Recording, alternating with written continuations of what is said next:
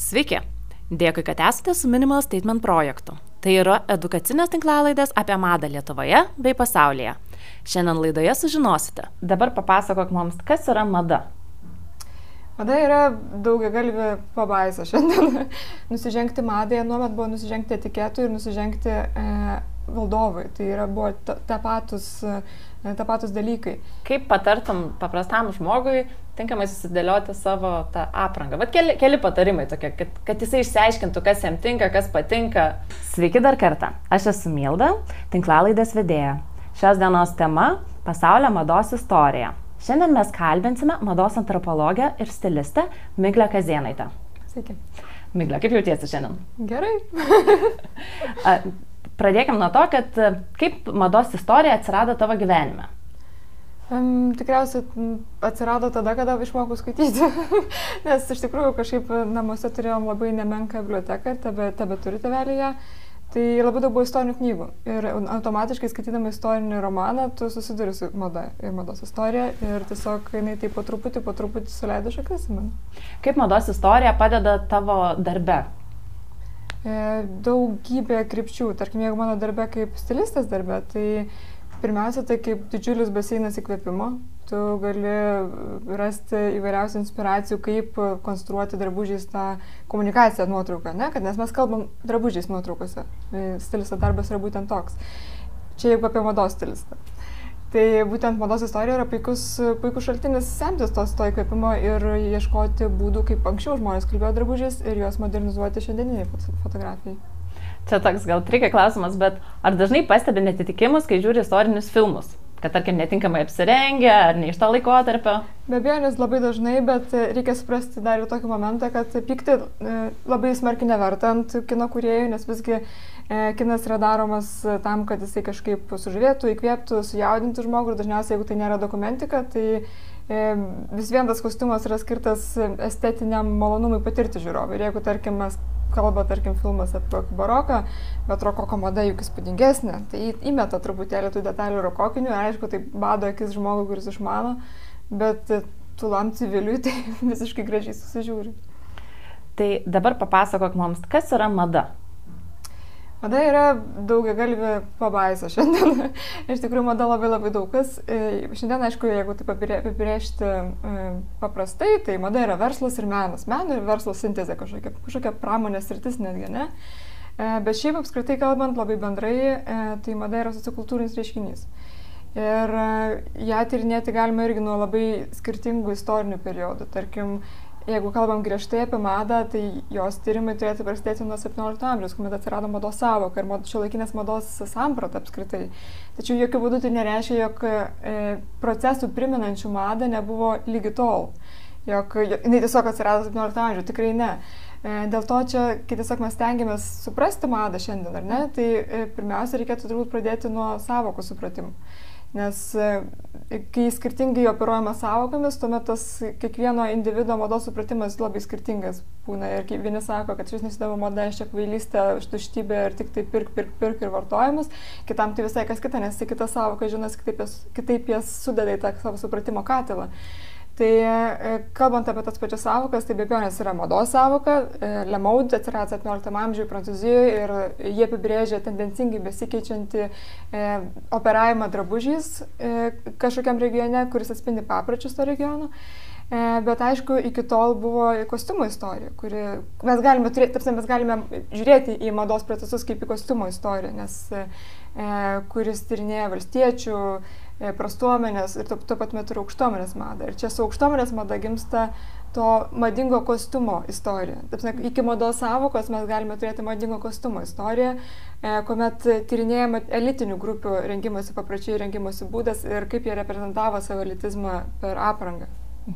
Tai jeigu aš norėčiau sužinoti apie madą nuo pat pradžių, kada jinai yra kada atsiranda jos užuomasgas, tai aš turėčiau sakyti, kada atsiranda mada ar kada atsiranda kostiumo istorija.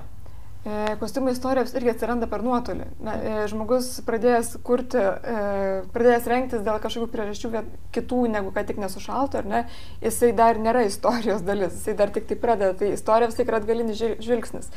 Tai sakyčiau, kad jeigu mes kalbam apie tą sociokultūrinį reiškinį, kad žmogus per drabužį transliuoja kažką, Tai be abejonės tai yra datuojama nuo pirmųjų civilizacijų. Ir tai galima e, paprastai atsekti netgi vaikiškos istorijos vadovėliuose, kaip skirtingai rengėsi faraonai nuo prasčio, prastuomenės, ar ne, kaip skirtingai rengėsi e, baltų žiniai kokie nors nuo irgi e, paprastų žmonių, valstiečių. Ir kažkokiu būdu vis vien būdavo demonstruojamas savo socialinis statusas, savo elitiš, elitizmas, netgi skirtingai nuo kitų grupių per drabužį ir mhm. savo, savo padėtis visuomenėje. Tai kas yra mados tendencijos? Kada jos atsirado, kada pradėjo atsirasti po truputį?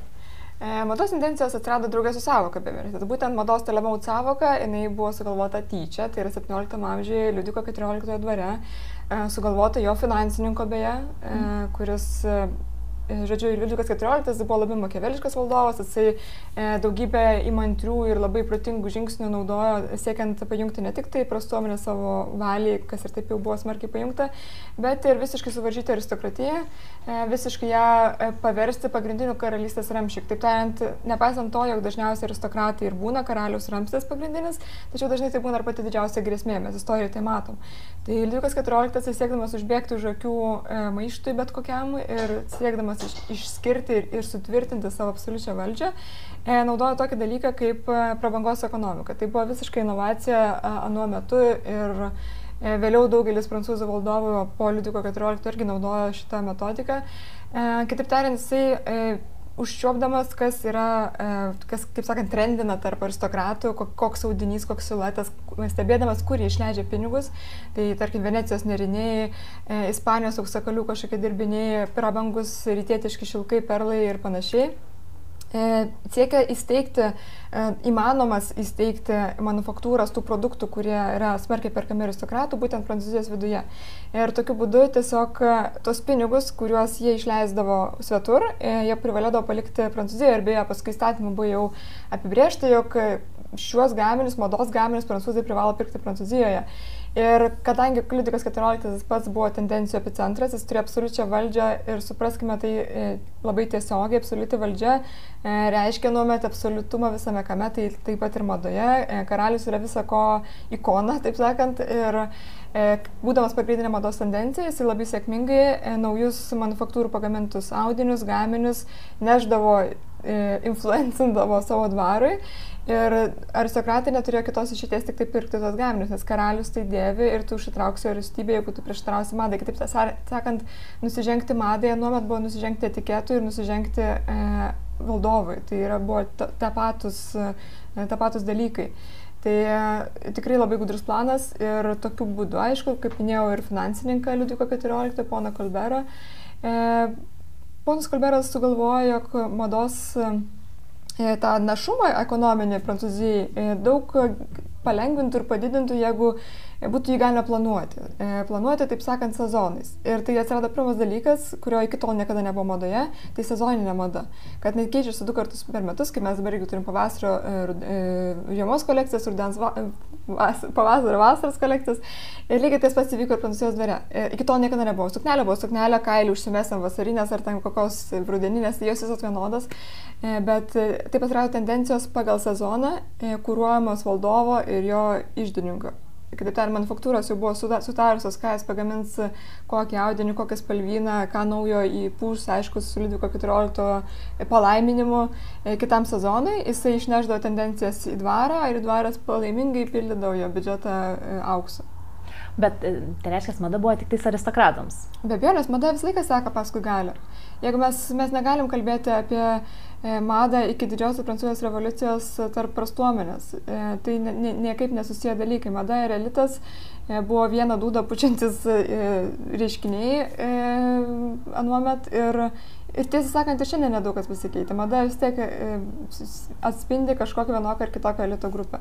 Šiandien, aišku, tų elitų yra labai daug. Turim intelektualų elitą, turim e, visokių subkultūrų elitą, turim daugybę skirtingų elitų, Instagramo elitas ir panašiai. Ir jie visas skirtingas tendencijas transliuoja. Taip kad e, E, mada ir elitizmas yra labai smarkiai susiję dalykai. Dėl to kartais, e, tarkim, konservatyvesnės visuomenės grupės e, iš, išvysto tokią neapykantą madai, bet tai yra ne, ne mados reiškinio, kaip čia kaltė, o tai yra tiesiog elitinių grupių pasiskirstinimo ir jų vartojimo produktas. Dabar, kai pasakai, tai sakai, kad pagrindinis mados tendencijų centras buvo Prancūzija, taip? E, čia jeigu būtent apie baroką, taip. Taip. O ar buvo vėlesnėse laikotarpiuose ar ankstesnėse kitų mados centrų? Be abejo, e, be abejo, e, Italija Renesanso laikotarpiu, Tudorų Renesanso laikotarpiu, be abejo, Britanija, Renesansas itališkas, Renesansas, Tudorų Renesansas, jie keliais dešimtmečiais skiriasi, tapsim, bet jie vis tiek pakankamai istorinė perspektyva, pakankamai viena šalia kito ėjo. Ir be abejonės, kaip ir minėjau, kas tampa tendencijų centru priklauso nuo galios, nuo įtakos, nuo ekspansinės politikos išvystymo, nuo e, ryšių politinių su kitomis valstybėmis. Ir ta, kuri trendina valstybė, ta trendina visur kur. Tai taip tiesiog e, istoriniam žemėlapį taip ir pasiskirstavo. Tas tiek mados, tiek galios žemėlapis dažniausiai įdo į tą pačią pusę. Niekada nebus, kad kokia nors labai feilinanti valstybė taps taiga mados elitų kažkokio, mados tendencijų centru. Taip nėra buvę istorijoje. Tai kas įvyksta po Prancūzijos revoliucijos?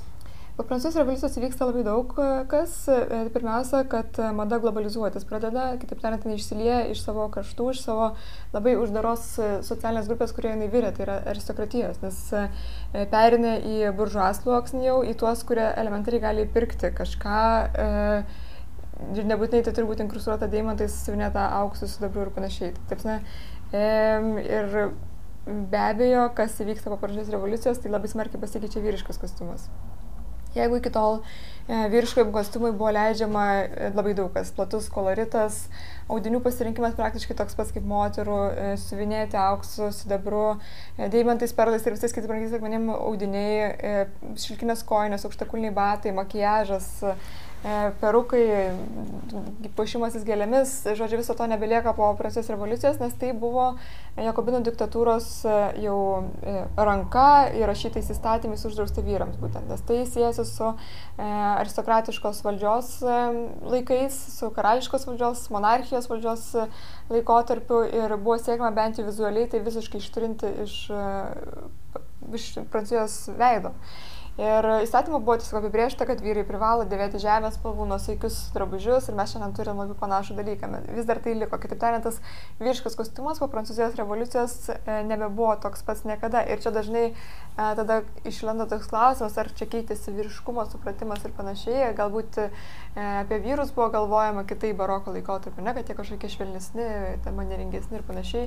E, iš tikrųjų, tai žiūrint istoriškai, į tai nepanašu, aišku, mes ten nei vienas nebuvom ir negalim su nei vienu jų pasikalbėti, bet bent jau e, tirnėjant, ką mums paliko istorija, tai e, baroko laikotarpiu vyriausias sunus e, aristokratų privalomai tarnavo e, karaliaus armijoje. Ir, daž, e, ir dažniausiai tai būdavo kažkokios aukštos pareigos, bet tikrai ne, e, ne kažkoks sėdėjimas palapinėje ir, ir gerimas e, vyno ar kavos su pistacijų draže ar ką jie ten valgydavo. E, ir tai iš tiesų buvo rimtas atviro lauko karas ir tie jaunuoliai buvo nuo pat, pat mažumės mokomi karinių, karinėse pratybose, ugdomi karinių auklėjimų. Tačiau šalia viso to, ne karo metu jie šokdavo baletą, jie, kaip minėjau, puoždavosi įvairiais dalykais, kurie mums šiandien nelabai suprantami kaip vyriški. Ir taip dekonstravus tą vyriškumą, atrodo, kad jisai tikrai buvo ganėtinai maskulistinis, turint omeny, jog jie nuo pat mažumos, mažumės turėjo labai griežtą karinį auklėjimą, e, labai nebijodavo skausmo, labai e, užgrūdinti, mirti už karalių buvo viena iš tokių e, žavesnių mirčių bet kuriam to laikmečio jaunuoliui. Tai labai faina posakė su skaičius, nepamenu tik tik kur, jog, prašau, jog e, prancūzijos aristokratas, jisai nebijo, čia apie baroką, Jisai nebijo pabūklų ugnies, jisai nebijo mirti už karalių, bet jisai bijo dėmesį ant savo šilkinės koinės. Ir tai labai gerai atspindi tą, pirmiausia, aristokratiškumo įsėjimą automatiškai su mada, nes E, ir su etiketu, švarus, švari šilkinė koinė, mada, etiketas ir aristokratas. Jie tarsi sudaro vieną viengubą tapatybės tokį apskritimą, ne? nes atsisakyti savo tapatybės aristokratui yra blogiau nei mirtis. Tai yra tiesiog netikimas viso savo dieviškumo, kurio tu didžiuojasi jau e, karta iš kartos prieš visą likusią Prancūziją. Tai Ar pokyčiai vykę po Prancūzijos revoliucijos turėjo įtaką ir kitai Europos daliai? Be abejo, e, pirmiausia įtaka tokia, jog e, po Prancūzijos revoliucijos trumpam aptilo e, prancūziškos mados diktatas, galėjo, nes Prancūzija buvo šiek tiek pati viduje, net ne šiek tiek, o smarkiai nerami ir be abejo politinėje arenoje jinai turėjo daugiau problemų vidinių negu siekia kištis kažkur į aplinką. Pradėjo būsti britiška mada, britiško, britiška stilistika aprangos ir Tai čia būtų pirmas toksai pramoninis, gal ekonominis pok... įtaka ekonominė galbūt, kurią padarė būtent Prancūzijos revoliucija, bet aišku, būdama iki tol e, labai akivaizdžių mados centru visai Europai, e, jinai diktavo vis dar netgi su tom prancūziškom revoliuciniam mados idėjom diktavo ir likusiai Europai. Madą mes akivaizdžiai turime ir šiandien vyriško kostiumo labai liūdną ir Lietuvoje, tai mes galim tiesiog pasižiūrėję faktiškai į E, ir atsekus istoriškai, kas įvyko būtent po prancūzijos revoliucijos, susijęti tai.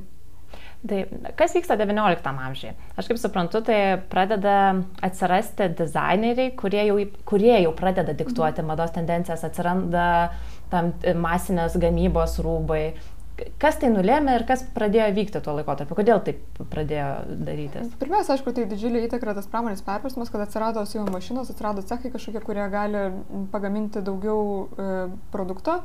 Ir čia didžiausia turbūt įtaka padarė Karlės Viktorijos epocha, kurie Karlė Viktorija irgi pasitelkusi, tikriausiai neturi tokių tik, tikslių žinių, bet bent jau žiūrint į visą istoriją pasitelkusi Lietuvio 14 būdą, E, madą naudoti kaip valstybės, e, kaip čia pasakyti, valstybės išlaiko vieną iš įnagių. E, praktiškai kas dešimtmetį keisdavo, ne kas dešimtmetį, kas, kas penkmetį ar kas tris metus keisdavo madą ir labai labai radikaliai keisdavo ir pati diktuodavo visą laiką. Ir rankovės turbūt buvo galima apčiuopti pačias įvairiausias, pamatyti visą spektrą įvairiausių pustumo ir įvairiausių formų rankovių karalienės Viktorijos viso valdymo laikotarpiu. Ir lygiai taip pat irgi buvo šokinėjama nuo liemens iki klubų, nuo riešų iki kaklo, kuri čia gražiausia ta moters kūno vieta, kaip ir mes turim šiandien. Mes vis kažką naujo mums pasiūlo, o dabar bus gražiausia kūno vieta klubai ir karpo suknelės ant klubų kaulo. Aišku, tai kadangi šis laikais yra Instagramo e, laikotarpis, tai tos tendencijos neužsibūna ilgai, bet nu, be abejo, nes nebuvo Instagramo ir e, daug ilgiau užtrukdavo pačios ir tendencijos. Taigi tiesiog tas šokinėjimas per, per kūnų, šokinėjimas netgi per buvusius periodus, e, tam tikrą prasme išsėmė e, turbūt tą iki tol buvusi, atrodo, ne, neišsėmėmą mados potencialą, vis kažką naujo atrasti, vis kažką naujo. Ir Karalienės Viktorijos laikotarpiu buvo pradėta grėžiotis pirmiausia atgal. Atsirado neo dalykai, tai neo romantizmas, neo gotika ir panašiai, visi šitie neoklasicizmai, ne, e, būtent e, karinės Viktorijos laikotarpį ir kostiumai jie atsiranda, nes pradėta žvalgytis pirmiausiai atgal. Ir kai jau atgal išžvalgyta viskas labai aiškiai ir labai viskas jau panaudota, tuomet jau reikia kažko vėl naujo, kažkaip kitaip žiūrėti, visiškai radikaliai kitaip žiūrėti į kūną, kurį rengi, į, netgi į socialinius vaidmenis tų kūnų, kuriuos tu rengi. Ir taip atsiranda, e, bet jau čia labiau pabaigoje, galbūt XIX amžiaus atsiranda pirmieji dizaineriai, kurie e, pradeda trendinti būtent transformavę požiūrį į tą kūną. Tarkim, Polis Poirė, toksai e, dizaineris, kuris kūrė e, orientalistinės tematikos apdarus, e, labai ryškius, labai spalvingus, jisai buvo vienas tų, kuris e, prisidėjo prie moterų išlaisvinimo iš kurseto. Tai kitaip tariant, E, jo legenda, tas storytellingas brendo, e, pasakoja, kaip jis kalbėjosi su gydytojais ir kaip e, jie pritarė, visas konsiliumas vos ne dizaino ir gydytojų buvo sudaryta, čia pagal tą legendą, jog moteris būtina išlaisvinti iš kursetų, jog tai labai nesveika, aišku, jis buvo teisus, bet aš įtariu, kad ne iš geros širdies, o iš puikos oslės marketinginė prasme. Tai kitaip tariant, pasiremdamas šitą vat istoriją, jisai labai tikrai tapo vienu E, mėgstamiausių dizainerių anuomet e, e, tame laikotarpyje, ne tik tai Prancūzijoje, bet ir Britanijoje. Ar galima sakyti, kad XIX amžiuje mada supaprastėja? Nuo didelių suknelių, pustų, prieinam, pereinama prie žymiai patogesnių, moteriai draugiškų apdarų mada visą laiką, jinai pati nieko nedaro, jinai daro tai, ko iš jos reikalauja socia... sociumas, ne? Mhm. E, čia irgi dažnai būna kaltinam madą kažkuo arba giriam ją dėl kažko, bet iš tikrųjų tai turėtume pagirti mm, socialinės nuotaikas ir socialinės grupės, mhm. nes mada jinai nėra gyvas padaras. E, tai taip, jeigu mes žiūrėtume iš konstrukcijų sudėtingumo ir iš e, nežinau, masės drabužiai be abejo, nes mes tą matom akivaizdžiai, kad drabužis labai keitėsi. Ir keistis pradėjo irgi nuo didžios prancūzijos revoliucijos, nes be abejo, nes kodėl taip atsitiko, nes e, tos minėtos buržuo moteris, kurios irgi e, pagaliau įgavo teisę vartoti madą ir kažkaip tapo naujų elitų tame regione, jos daugiau judėjo, jos gyvena kitokį gyvenimo būdą, negu buvo įpratusios gyventi aristokratės. Kaip atrodė aristokratės diena? Mm, jie aprengia, jinai sėdi, groja, siuvinėja, rašo laiškus, laiškų rašymas žiūri ilgai užtrukdavo. Tada e, kartais, jeigu yra koks įkvietimas į medžioklę ar ten e, vakarienę, be abejo, nes apsilanko, bet ruoštis jau pradėjo labai anksti, nes kol tu apsirengs visus apdarus, to darai ir sutems. Tik taip tariant, laikas visai kitaip skaičiavosi aristokratijai, negu skaičiuojasi buržuo e, moterį, kuri juda, kuri mėgsta išgerti kavos kavinį, bet atsirado kartu su buržuo sluoksnio išplėtimu, labai išplito ir kavinės Prancūzijoje. Tai bet, po Prancūzijos revoliucijos e, palikimas tai yra liūdni kostiumai ir labai fainos kavinės. Tai vis tiek tas ant to. tai taip, tai, kitaip tariant, taip, mada keitėsi paprastėjo, bet nesudėtingėjo gyvenimas socialinių grupių, kurios vartoja daug daugiau visokių dalykų pradėjo daryti. Pavyzdžiui, e, šitie turniūrai karalienės Viktorijos laikotarpio, tie, kur klubus išpučia mhm. tokie, tokie dariniai, e, jie tiesiog e, baigė savo galiojimą, nes moteris susireikalavo teisės važinėti dviračiu ir žaisti tenisą. Tai kaip tu su tokiu turnyru pavažiuosi dviračiu? Niekaip. Tai gyvenimas pilnėja ir sudėtingėja, tokiu būdu paprastėja apdaras. Tai tada ateina 20 amžius, taip? Taip. Ir mada stipriai pasikeičia. Tai pirmiausia, aš norėčiau sužinoti, Kaip pasiskirsto mados centrai 20 amžiuje? O Jėzus. ne, nu, tiesiog, kad Prancūzija labiau diktuoja, ar Anglija. Nei vienas, šiandien internetas. Ne? Čia, ką turiu omeny, kad... E, aš kaip minėjau, taip, taip kad ša, šalimis mes galėtume e, atsekti, kaip anksčiau viskas buvo mm. paprasta, dėl to mados istorija yra tokia svarbi, nes mes bent jau iš pačios apačios galim suprasti tą veikimo mechanizmą ir geriau suprasti, kas yra šiandien. Jeigu e, turėjom elitą, tarkim, baroko laikotarpiu vieną mažytę socialinę grupę ir ta mažytė grupė turėjo visas teisės ir vienintelį turėjo teisės vartoti madą kaip, kaip, kaip madą, ne kaip nedrabužius rengtis, bet vartoti madą. Tai šiandien mes turime e, visai kitą paveikslą, mes turime daugia galvį elitą, mes turime jų labai daug skirtingų, skirtingų supratimų. Vieniems elitas yra, tarkim, vardinė etiketė ir šampanos, ne, tas klasikinis elitas, tai čia be abejo, nes tie žmonės atsekus marketingiškai, jie vartos tam tikrus prekės ženklus, bet kad būtų kažkokia šalis ar regionas, kuris būtent jiems tos prekės ženklus suplaina, tai taip neatseksim. Mhm. Taip, nes visgi e, mados vartotojų plotas pasikeitė net, net pažįstamai nuo to, ką mes turėjom, tarkim, e, toj pačioj Prancūzijoje, tarkim, tam pačiam baroko laikotarpiu. Tai dėl to jos ir e, tendencijų centrus atsekti yra praktiškai turbūt neįmanoma, nebent imti vieną labai mažą socialinę grupę, vieną elitą kažkokį išsirinkti ir tada jau žiūrėti pagal vartojimą, ką jis vartoja. Bet e, irgi tai nebus visiškai e, empiriškai pagrystas ir šimtaprocentinis tyrimas prasideda tiesiog e, labai greita mados evoliucija, taip, nuo 20 amžiaus pradžios, nu, pažiūrėjau, pradžioje buvo ten korsetai, paskui pereina į tiesiog tiesaus silueto suknelės, paskui vėl mes grįžtam prie kažkokio moteriškumo, prie pustų rankovių. Tada atsiranda iš viso trumpos maikutės, kur tiesiog labai labai greitai ir staigiai evoliucionuoja mada. Kas tai nulėmė?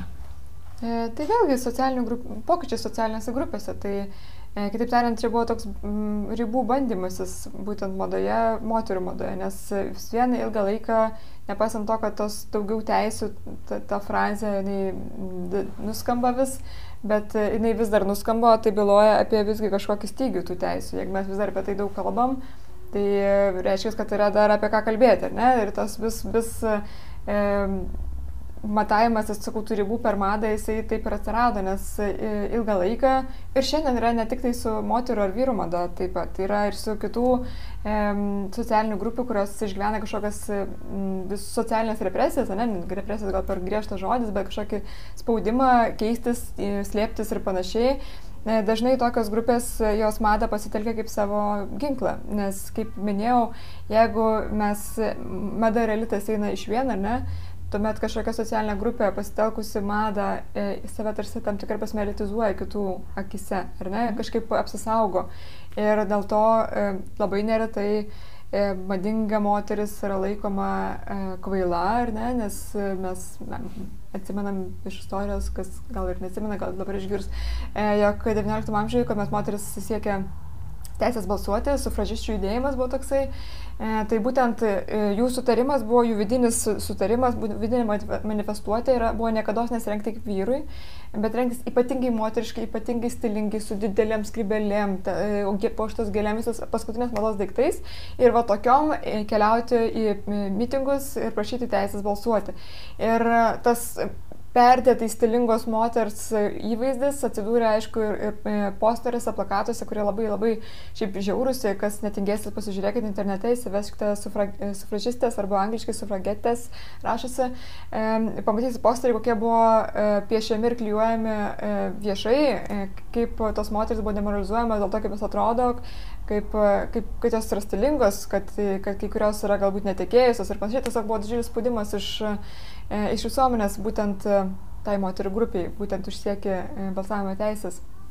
Ir nuo to laiko tiesiog tokia propaganda, stilingos moters, kuri kažko dar ir nori išsikovoti, vietos pasaulyje toksai demoralizavimas. Tai lygiai taip pat mes dabar turim ir su įtin stilingais vyrais. Mes žinom, kaip, kaip žeminančiai ir, ir negražiai apie juos atsiliepia, tarkim, konservatyvi visuomenės dalis. Tai tiesiog kartais, sakau, mada tampa tokiu e, tam tikros e, jautrios socialinės grupės elitizavimuose atvirkštiniu būdu e, priemonė. Kaip manai, kas kiek laiko ir kad, e, kas kiek laiko sugrįžta mada? Kodėl pasikartoja tos tendencijos? Tiesą sakant, aš galbūt ir nesutinku su to iš vis dabar šiandien. Mhm. Tas pasikartoja, šis kas yra madinga šiandien yra jokingas klausimas. Taip, tai jau nebe, nebeaktualu yra. Tai yra, pat prieš 25 metus mes būtume galėję apie tai kalbėti. Bet kas madinga šiandien? Viskas. Taip, tu žiūrint, tai kur žiūrėsi. Tu gali sutraukti ir, ir prieš 25 metus ten tą gamintą gaminį kažkokią arba prieš 50 metų. Ir tu jį susi, susistailinį e, pagal šiandien. Be, jo, stailinime yra tendencijos, tikrai. E, jeigu e, kažkokios detalės ir drabužių dėvėjimo menas yra svarbesnė šiandien negu kad e, trendai, kuriuos mes matom parduotuvėse. Aš norėčiau pasiūlyti žmonėm, kurie, tarkim, kalba apie kažkokius grįžimus, per daug, per daug akcentuodami tą, ar ne, kad jau čia taip viskas buvo iki tol, taip yra ir šiandien kad tiesiog nueitų į parduotuvę, bet tas žmogus turėtų gerai išmanyti mados istoriją. Ir suras tam praktiškai visų dešimtmečių atitikmenų. Tarkim, kokia didelė komercinė parduotuvė, kokia nu, Zara, didžiulė, ne? Kur tu tiesiog galėsi atsekti nuo karalienės Viktorijos laikotarpio, dabar gali rasti daiktų iki 70-mečio, rasti ir 40-mečio mėgstų palaidiniukų su, su sagutėm. Tarsi tu tiesiog jau tie dešimtmečiai e, nebegroja taip, kaip, kaip, kaip groja anksčiau, taip, taip mes viską galime dėvėti, tiesiog reikia e, susistailinti pagal galbūt galiojančias kažkokias, jeigu norisi, aišku, e, stilingo drabužių dėvėjimo taisyklės. Um kaip patartum paprastam žmogui tinkamai susidėlioti savo tą aprangą? Vat keli, keli patarimai tokie, kad, kad jisai išsiaiškintų, kas jam tinka, kas patinka. Mm, galima eiti sunkiu keliu ar galima eiti lengvu tai keliu? Tai lengvu keliu. Lengvas kelias neįdomus. Gerai, tada sunkiu keliu. Sunkiu keliu tai pirmiausia, uh, iš susig... suprasti, kas iš jums patinka. Ar jums patinka klasikinė muzika, e, ar jums patinka, uh, nežinau, klasikinis menas, ar jūs kažkaip kitaip mastote, ne? Galbūt jums būtent visiškai atvirkščiai nepatinka nei klasikinis menas, nei klasikinė muzika. Ir tada pagal šitus mm, dalykus, kurie apskritai jūs įkvėpia kažkaip, įkvėpia žavėtis pasauliu, e, susižinosit, kas jums patinka ir kas jums nepatinka ir tada drabužiuose matysit tas, tos atitikmenis. Nes aš netikiu, kad žmogus, kuriam e, visiškai nepatinka klasikinė muzika ir visiškai nepatinka klasikinis tas atmenas, ne, kad jis norės dėvėti visokius nerinukus, švarkelius, E, nežinau, e, klasikinius e, apdarus, vieną deimantinį žiedelį ant rankos ir būti labai labai toksai aristokratiškas ir prepi. Tai tiesiog elementariai galvoti laisvai apie save ir, ir laisvai konstruoti savo įvaizdį. Bet nemanai, kad mūsų visuomenė yra labai paveiki. Nu, žmonės vis tiek ieško tų tendencijų, kažkokio priklausimo tam tikram socialiniam sluoksniui, kad jie galėtų vadovautis būtent tuo, kuo gyvena ta visuomenės dalis, kurie, jie nori, prie kurios jie nori prisilyginti. Nu, tarkim, tai, nu, tarkim, mūsų, atsiprašau, nu, tie influenceriai, tarkim, mane šiais laikais, arba žurnalai, tai internete esantis straipsniai, nu, jie vis tiek padiktuoja tam tikras tendencijas žmogui ir galbūt tu nenori e, nešioti to, Bet tu, tu labai norėtum būti kaip tas žmogus ir tu nesąmoningai perėmi tam tikrus aspektus. Taip, bet čia mes vat, labai ger, ger, geras apibendrinimas to, ką kalbėjome iki tol, kad tiesiog per drabužį tu sieki atrodyti e, kažkoks, ar ne? Kažkoks. Ne tai, kad tik apsirengi, kad būtų šilta, bet kad priklausytų kažkokiam vienam ar kitam e, elitui. Taip, e, manau, kad tai be abejonės yra paveikas. Ne tik mūsų visuomenė, visos visuomenės yra tokios paveikas. Bet e, ar tai yra sveika individui, tai čia yra klausimas. Tai dėl to visą laiką kalbu apie tą sąmoningą aprangą, sąmoningą rengimąsi, kad kad e, renktumėsi savo pirmiausia. Ir be abejo, jeigu tu atpažįsti e, kitose socialinėse grupėse save, faina, nes mes socialiniai gyvūnai, žiauri smagu, kad mes atpažįstam save, bet neieškoti savęs tenai. Taip sakant, neieškoti socialinėse grupėse kažkokiose ar kažkokiose elituose savęs, bet smagu atpažinti save. Čia labai skirtingas dalykas. Bet čia yra darbas su savimi žmogus. Taip, be abejo, bet visur tas pats. Bet apie bet kokią sritį paimti čia bus ta, ta, tas pats patarimas turbūt. Toks zen. Aš dar prisiminiau vieną dalyką. Dabar, kai kalėdinis laikotarpis vyksta daug kalėdinių švenčių ir būna, kad jis ateina užsakymai, kad reikia padėti aprengti, na, susiruošti savo mhm. įvaizdį kažkokią. Ir e, čia buvo keli užsakymai, kad e, reikia Great Gatsby tema ir reikėjo padėti surasti E, ką apsivilkti ir aš pradėjau skaitytis, nes kadangi su tam susipažinau, tai tada pradėjau skaitytis labai gilintis, kas čia būtų tinkama uždėti, kas ne. Ir radau tam tikrus akcentus, kuriuos dažniausiai nešioja moteris į tokius vakarėlius, bet jie yra pridarami, tuo laikmečiu buvo pridarami tik toms moteriams, kurios buvo laisva elgesio. Mhm. Ir tada labai juokinga situacija gaunasi, nes kaip ir tu nebegali žmogui pasakyti, kad, nu, tu nesidėk šitą, nors jis labai norisi, bet tu ir negali kaip e, teikianti paslaugą, tu nebegali siūlyti klientui to užsidėti, nes, nu, tu matysi žmogų kaip, nu, kad tu kažką blogo jam darai. E, labai faina, kad taip giliai sutingai žiūri, bet iš tikrųjų tai reikėtų turbūt atsipalaiduoti labiau. Dėl to, kad vis tiek tas Great Gatsby yra e, pagal filmą. Taip skaityti daug, per daug nereikia, atsidarai filmo fotkės ir viskas. Nes vat, idėja ta, ir, bet labai faina, kad apsaka taip giliai žiūri, nes tai yra visiškai tiesa, ką, ką sakai. Bet e, čia reikia pagalvoti, ką jie iš tikrųjų nori patirti tie žmonės. Ar jie nori įsigyventi į filmą, kas tikriausiai yra esmė į tą pošnumą, į tą tokį melancholišką glamūrą, tokį tą laikotarpio vaibą.